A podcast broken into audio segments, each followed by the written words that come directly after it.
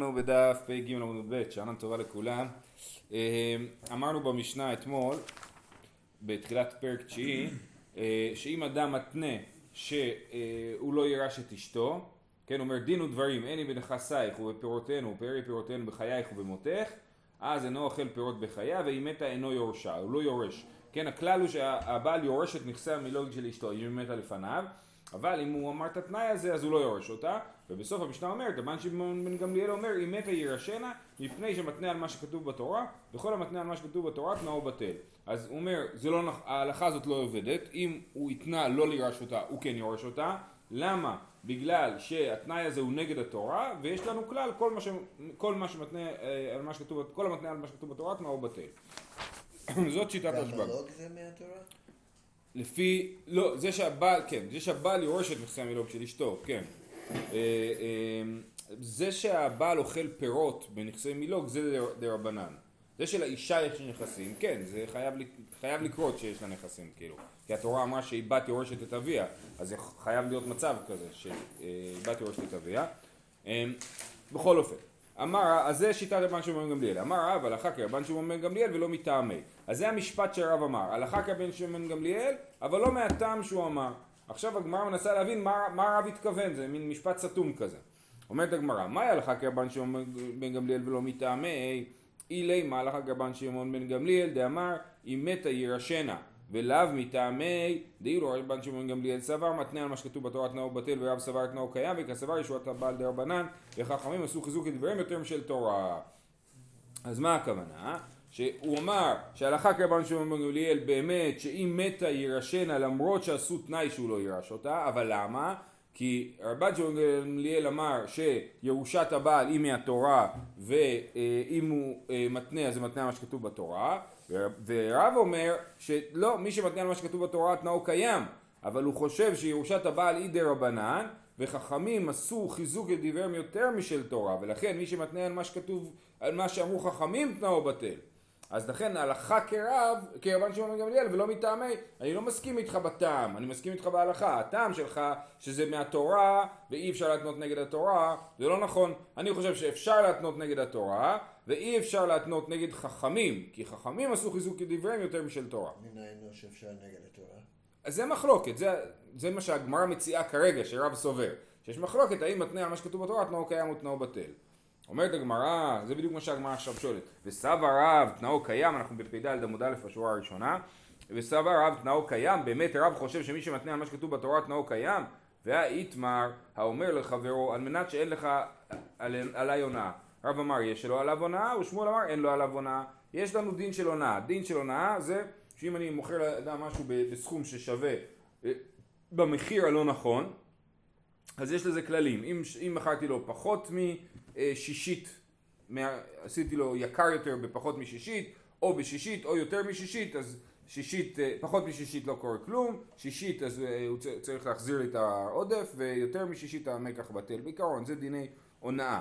עכשיו אני בא למוכר, המוכר אומר, תשמע, אני מוכר לך את זה בכך וכך, אני לא מגלה לך כאילו אם זה יקר יותר או זול יותר, על מנת שאין לך על הונאה, שלא תוכל לתבוע אותי על הונאה.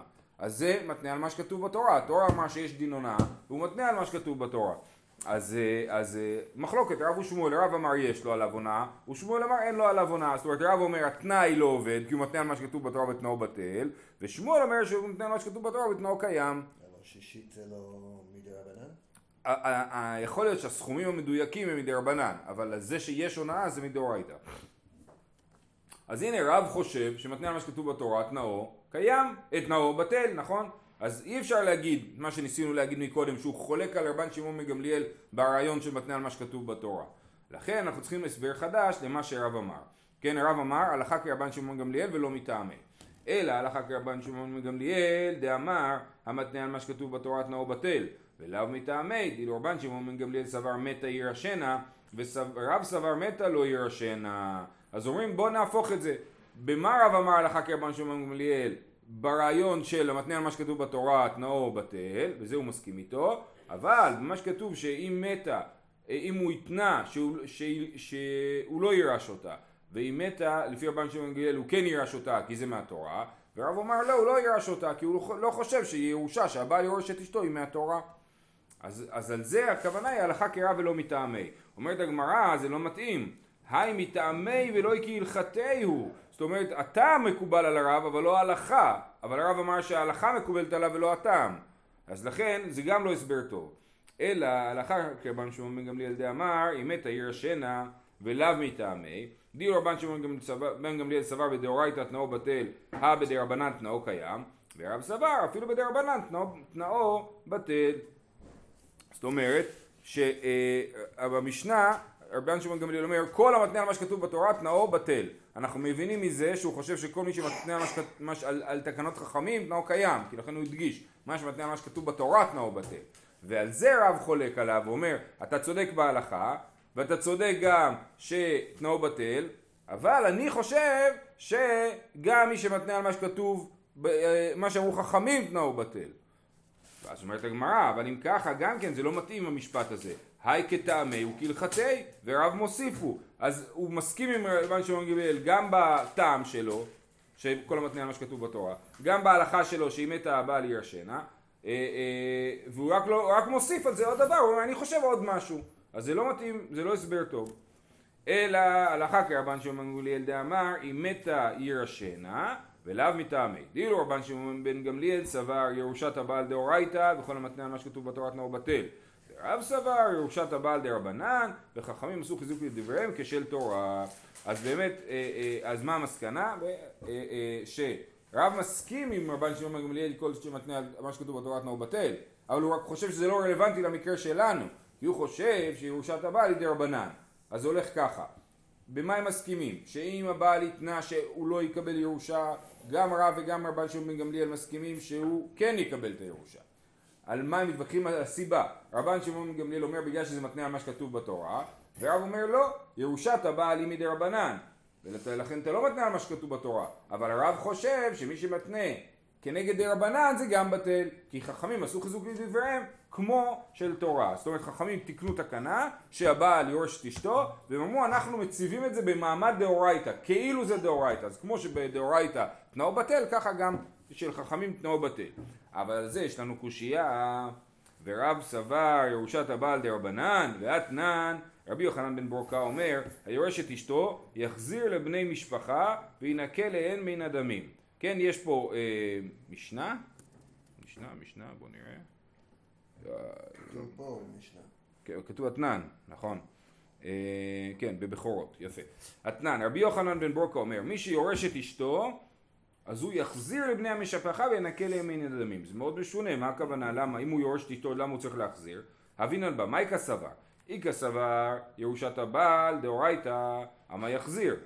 וידי רבנן, דמים מה יבידתיו. אם זה מהתורה, למה הוא צריך להחזיר את זה? אה, סליחה, הכוונה היא ליובל, יפה. הכוונה היא ליובל, כשמגיע היובל, זה הנושא שם במסכת בכורות, כן? בסוף המסכת. אז כשמגיע היובל, אז הוא צריך להחזיר את זה. אבל אם ירושת הבעל מדאורייתא, אז הוא לא צריך להחזיר את זה, כי התורה אמרה שזה שלו. אז זה שלו, זה לא שייך לאף אחד אחר. הרי ביובל האדמה חוזרת למי שבאמת זה שלו, לפי התורה, אבל פה זה שלו לפי התורה, אז הוא לא צריך להחזיר. ואם ירושת הבעל היא דרבנן, אז, אז בסדר, אנחנו מבינים למה, למה זה צריך לחזור למשפחה של האישה, אבל למה הם צריכים לשלם לו על זה? הרי מה כתוב? וינקה להם מן הדמים, כן? שהוא מוריד להם כסף מהדבר הזה. אז לכן אנחנו לא מבינים מה, מה, מה, מה קורה במשנה. מה אה, ואמר רב, אה, דמים יביא דתיו, ואמר רב לעולם כסבר ירושת הבעל דאורייתא, וכגון שהורשתו אשתו בית קברות, משום פגם משפחה, אמרו רבנן לישקול דמי ולהדר. כן, אז, אז מדובר שהוא ירש את אשתו, לאשתו הייתה לה חלקה מצוינת, חלקה של בית קברות, כן?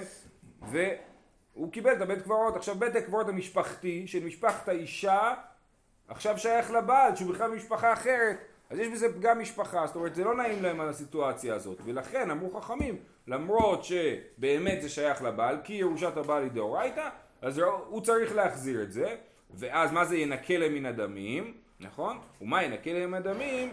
דמי קבר אשתו. זאת אומרת, הם ישלמו לו על כל, ה, על כל הבית קברות הזה, כי באמת זה שלו, והוא כאילו מוכר להם את זה חזרה, אבל כשהוא מוכר להם את זה חזרה, אז הם לא צריכים לשלם לו על הקבר של אשתו, כי את הקבר של אשתו הוא היה צריך לממן, הוא היה צריך לממן את זה, אז לכן הם לא צריכים לשלם לו על זה.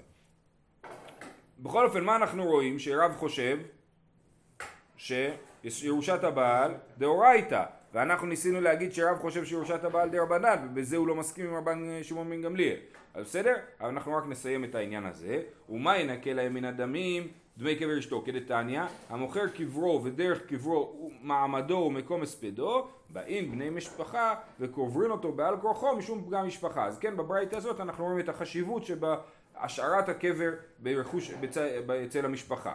בכל אופן אז אנחנו רואים שרב חושב שירושת הבעל דאורייתא, תשובה רב לטעמי דרבי יוחנן בן ברוקה כאמר ולילו סביר עלי, זאת אומרת רב חושב שירושת הבעל דרבנן אבל מה שהוא עשה שם זה רק להסביר את שיטת רבי יוחנן בן ברוקה. כן רבי יוחנן בן ברוקה אומר היורש את אשתו יחזיר לבני משפחה על מה הוא התכוון? אז רב הסביר מה חושב רבי יוחנן בן ברוקה אבל הוא בעצמו סובר שירושת הבעל היא דרבנן וזה מעניין כי גם רבן שמעון בן גמליאל וגם רבי יוחנן בן ברוקה שניהם חושבים שירושת הבעל היא דאורייתא וברב חולק עליהם וחושב כמו תנא קמא של המשנה שלנו שאומר שהתנאי כן קיים. אבל הוא רק חולק כי הוא אומר זה דרבנן והתנאי לא קיים זהו, משנה הבאה.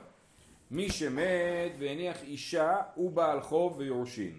והיה לו פיקדון או מילווה ביד אחרים. אז ככה. אדם מת כל הנכסים שלו עוברים בירושה אוטומטית ליורשים, ליתומים, כן? אבל מה קורה אם יש, הנכסים, יש לו פיקדון או מילווה ביד אחר, זאת אומרת, זה לא אצלו ביד, הנכסים, אלא זה נמצא אצל מישהו אחר ומישהו אחר צריך להחזיר את זה ליתומים בשלב מסוים, הוא צריך להחזיר את ההלוואה, צריך להחזיר את הפיקדון. אז את זה, אז אנחנו מתלבטים בעצם במשנה, האם זה נחשב שהיתומים תופסים את זה, ובשביל להוציא מהם זה מסובך, או ש... אה, לא נחשב שהיתומים תופסים את זה, ולכן האישה יכולה לגבות משם, או בעל החוב יכול לגבות משם, אוקיי? אז מי שמת והניח אישה ובעל חוב יורשים, יש עליו שלוש, כאילו שלוש נושים.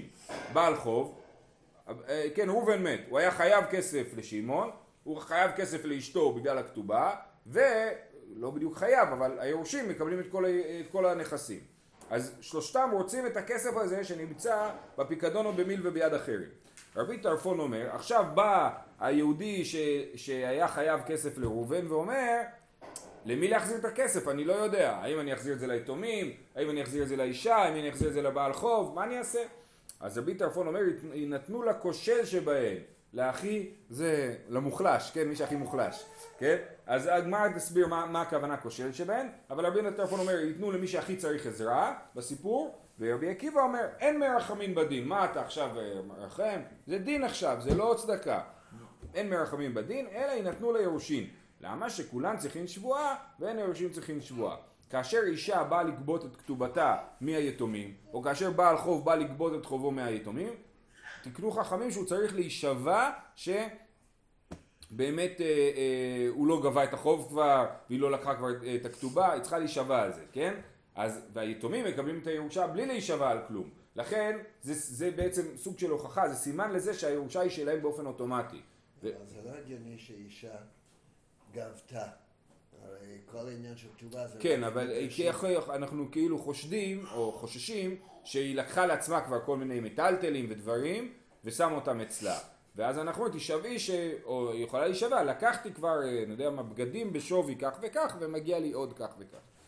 אמ, אז רבי עקיבא אומר כיוון שהם לא צריכים להישבע זה סימן שבעצם להם יש את התפיסה בזה למרות שזה אה, אה, נמצא ביד אחרים דיברנו על מילווה או פיקדון שנמצא ביד אחרים למרות זאת זה עדיין אה, שייך, יש תפיסה ליתומים אפילו על מטלטלים שנמצאים ביד אחרים יש תפיסה ליתומים ולכן זה הולך ליתומים.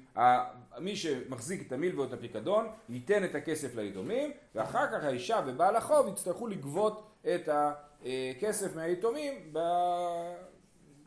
באמצעות שבועה ואם זה מטלטלין אז הם לא יגבו, רק קרקעות וכדומה.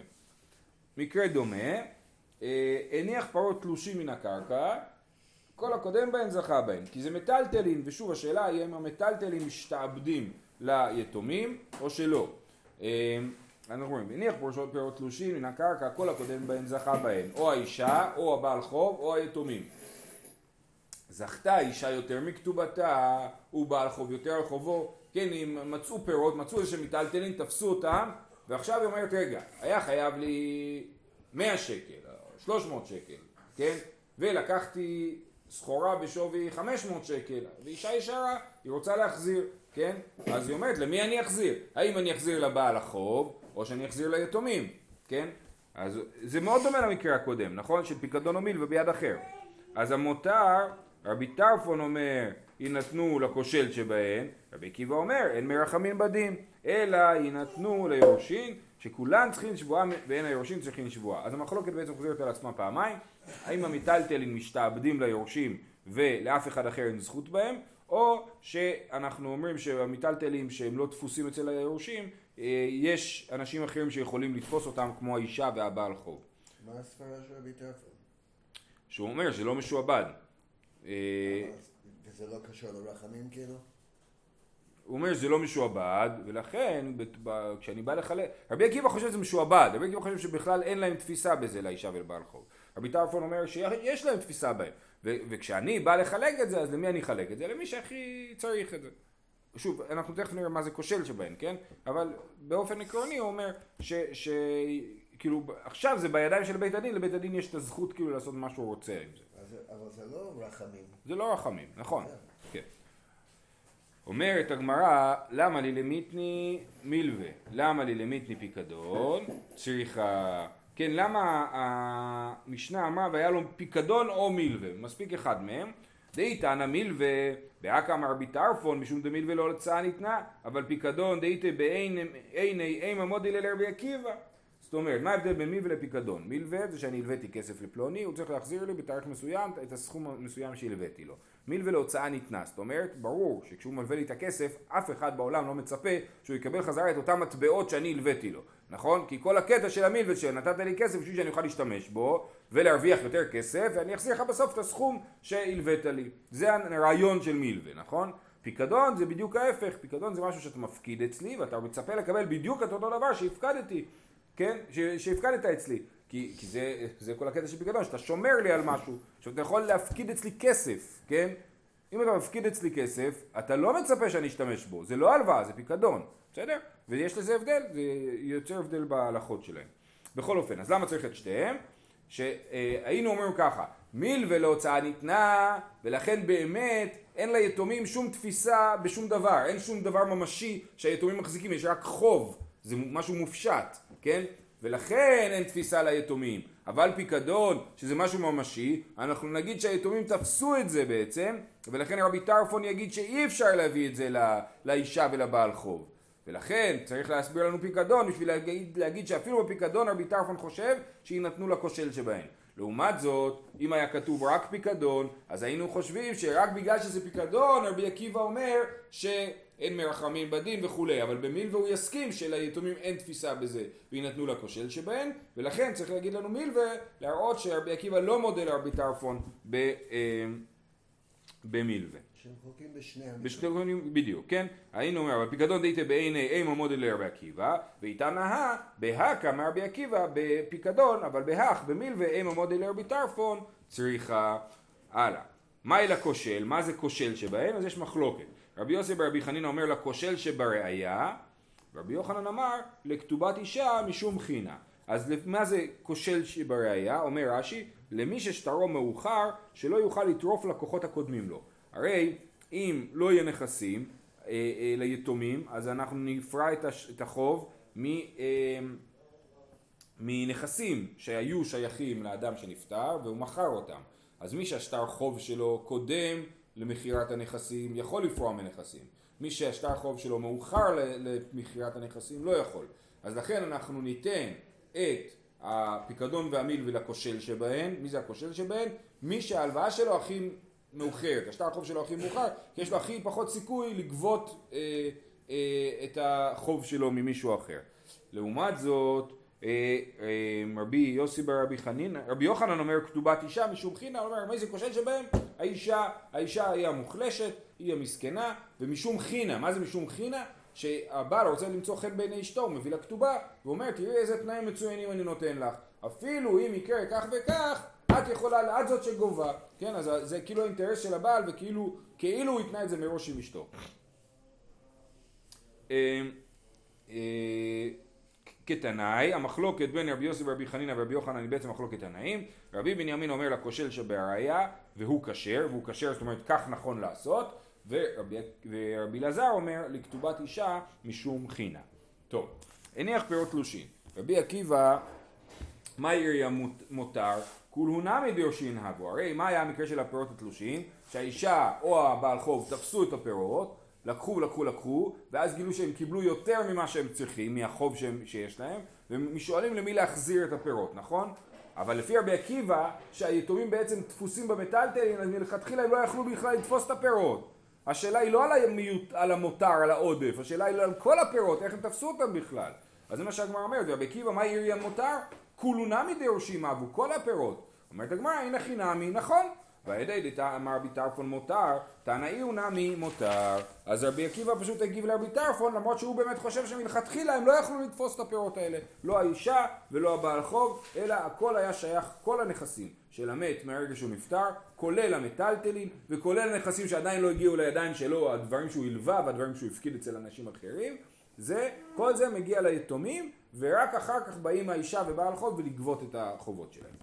ורבי עקיבא תפיסה לו מעניה כלל, האם לשיטת רבי עקיבא תפיסה לא תועיל בשום מצב? אמר רבא, אמר רב נחמן והוא שתפס מחיים. אז רב נחמן אומר, ורש"י אומר שהיה לו מסורת כזאת, זאת אומרת אין שום סיבה להגיד את זה ברבי עקיבא, אבל יש לו מסורת שאם הוא תפס לפני שאדם נפטר, האישה תפסה משהו לכתובתה לפני פטירת הזה, הבעלה, אז זה כן שלה, והיתומים לא יכולים להוציא את זה ממנה.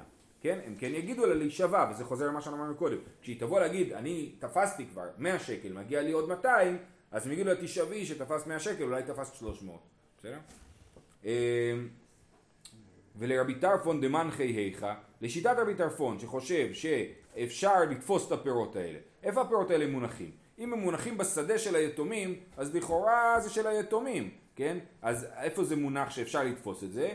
רב ושמואל דאמר תרוויו והוא שצבורין ומנחים ברשות הרבים אבל בסמטה לא. ורבי יוחנן אומר קיש דאמר תבר אפילו בסמטה מה זה סמטה? מסביר רש"י קרן זווית הסמוכה לרשות הרבים ובני אדם עושים סחורה זה עם זה בשוק רוצים לדבר דבריהם בנחת ויישוב הדעת מסתלקים לשם כן זה איזה נישה כזאת ליד רשות הרבים. כן? אז, אז רב ושמואל אומרים אם הפירות מונחים עכשיו פירות שימו לב פירות זה לאו דווקא פירות של עץ תפוחים כן? פירות זה כל סחורה כל מטלטלין שהיו שייכים לאדם אם היה לו חנות, אז כל הסחורה של החנות היא פירות. אבל אם זה בתוך החנות, זה בוודאי שייך ליורשים. אז אם זה מחוץ לחנות, אז זה המחלוקת. אם זה ברשות הרבים או בסמטה.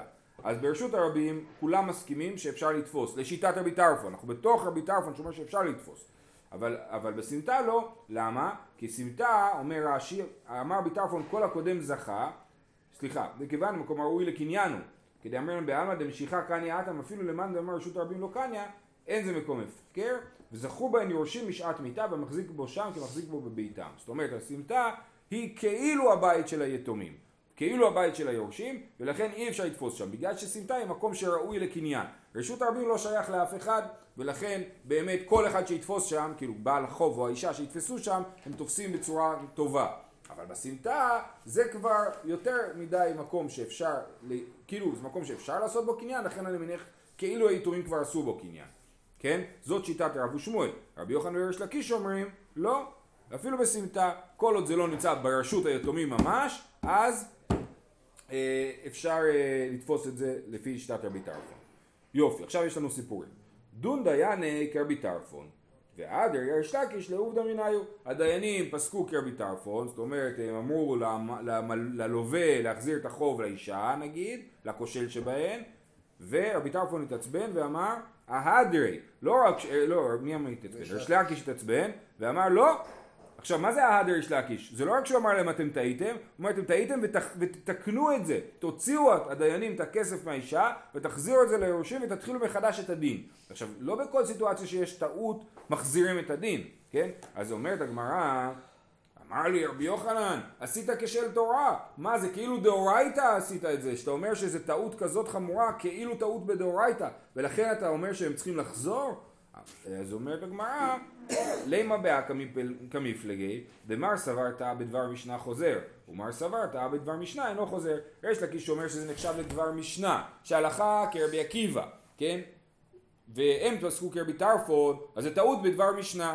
רבי טרפון חושב שטעות, אה, רבי ריש לקיש חושב שטעות בדבר משנה מחזירים, זאת אומרת הדיינים צריכים לתקן את הטעות שהם עשו, ורבי יוחנן חושב שטעות בדבר משנה לא מחזירים, זה טעות והיא נשארת טעות. אבל משנה זה דבר ברור, אז ברור ש... אז, אז, אז שנייה, כי הרי רבי יוחנן אומר עשית כשל תורה, משמע שרבי יוחנן חושב שרק של תורה מחזירים אבל של משנה לא מחזירים, נכון? אז זה הסבר ראשון למחלוקת. טעה בדבר משנה חוזר או טעה בדבר משנה לא חוזר.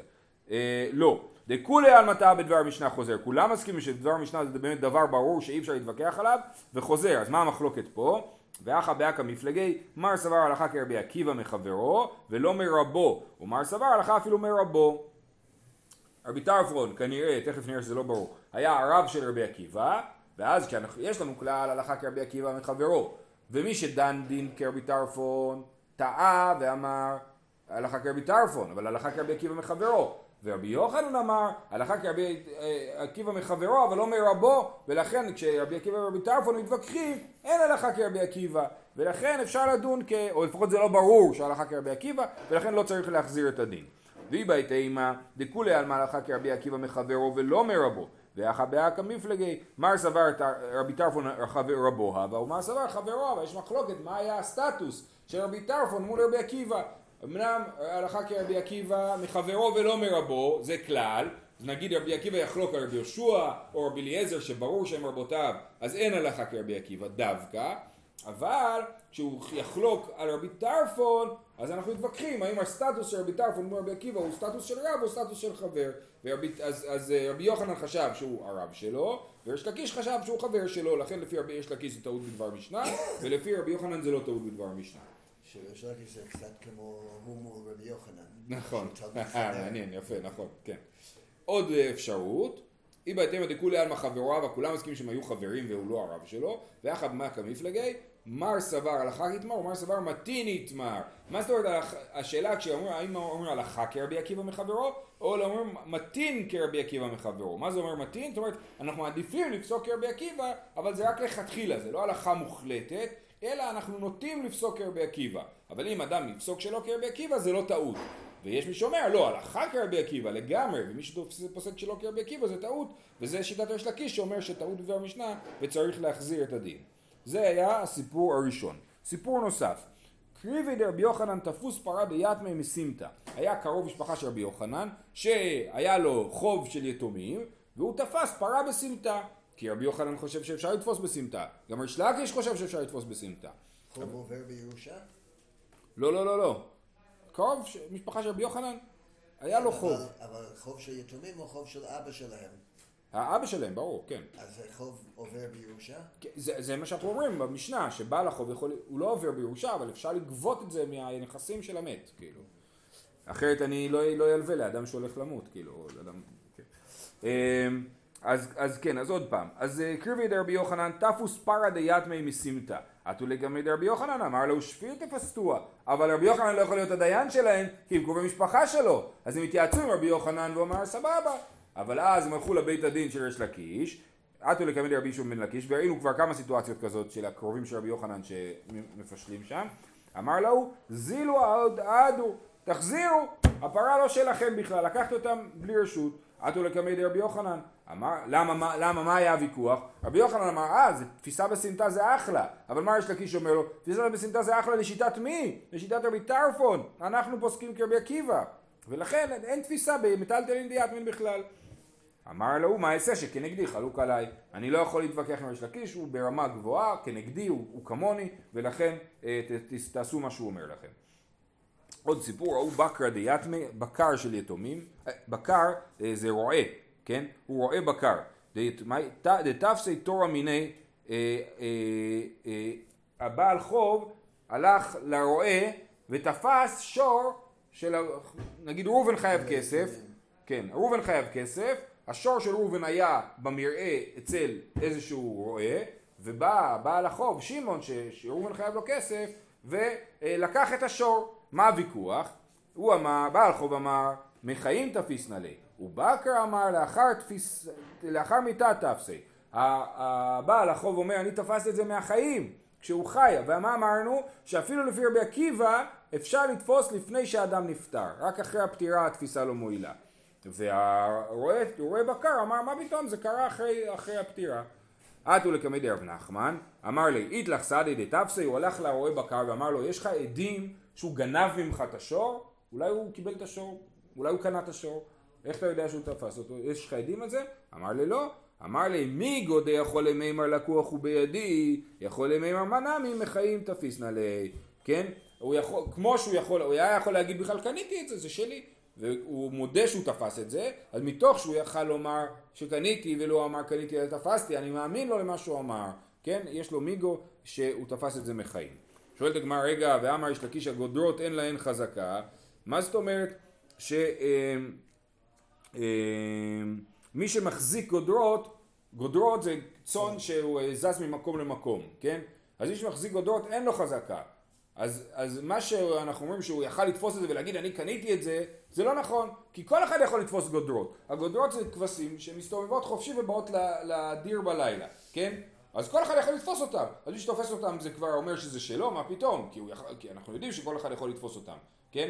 אז הגודרות אין להם חזקה. זה כמו שאני אעמוד ליד האוטו ואגיד האוטו הזה שלי, כן? אם יש לי מפתח אני יכול להגיד שזה שלי, אבל אם לא אז לא. אז זה... אה, אז, אז אומרים, זה שהוא תופס את זה בכלל זה לא חזקה, כיוון שזה לא חזקה, אין לו מיגו, הטענה שלו לא טובה. תשובה, שאני תורה דמסירה לרועה. השור הזה שהוא היה אצל רועה בקר זה לא נחשב גודרות, גודרות זה שהן מסתובבות חופשי, בלי שאף אחד תופס אותן. פה הרועה תופס אותן ולכן זה נחשב ל... אה, לא נחשב לגודרות ויש לו מיגו והוא יכול, מתוך שהוא יכול לטעון לקוח בידי הוא יכול לטעון גם שהוא תפס את זה מחיים ואפילו לפי רבי עקיבא תפיסה מחיים מועילה זהו, נמשיך מחר, שיהיה לכולם יום טוב.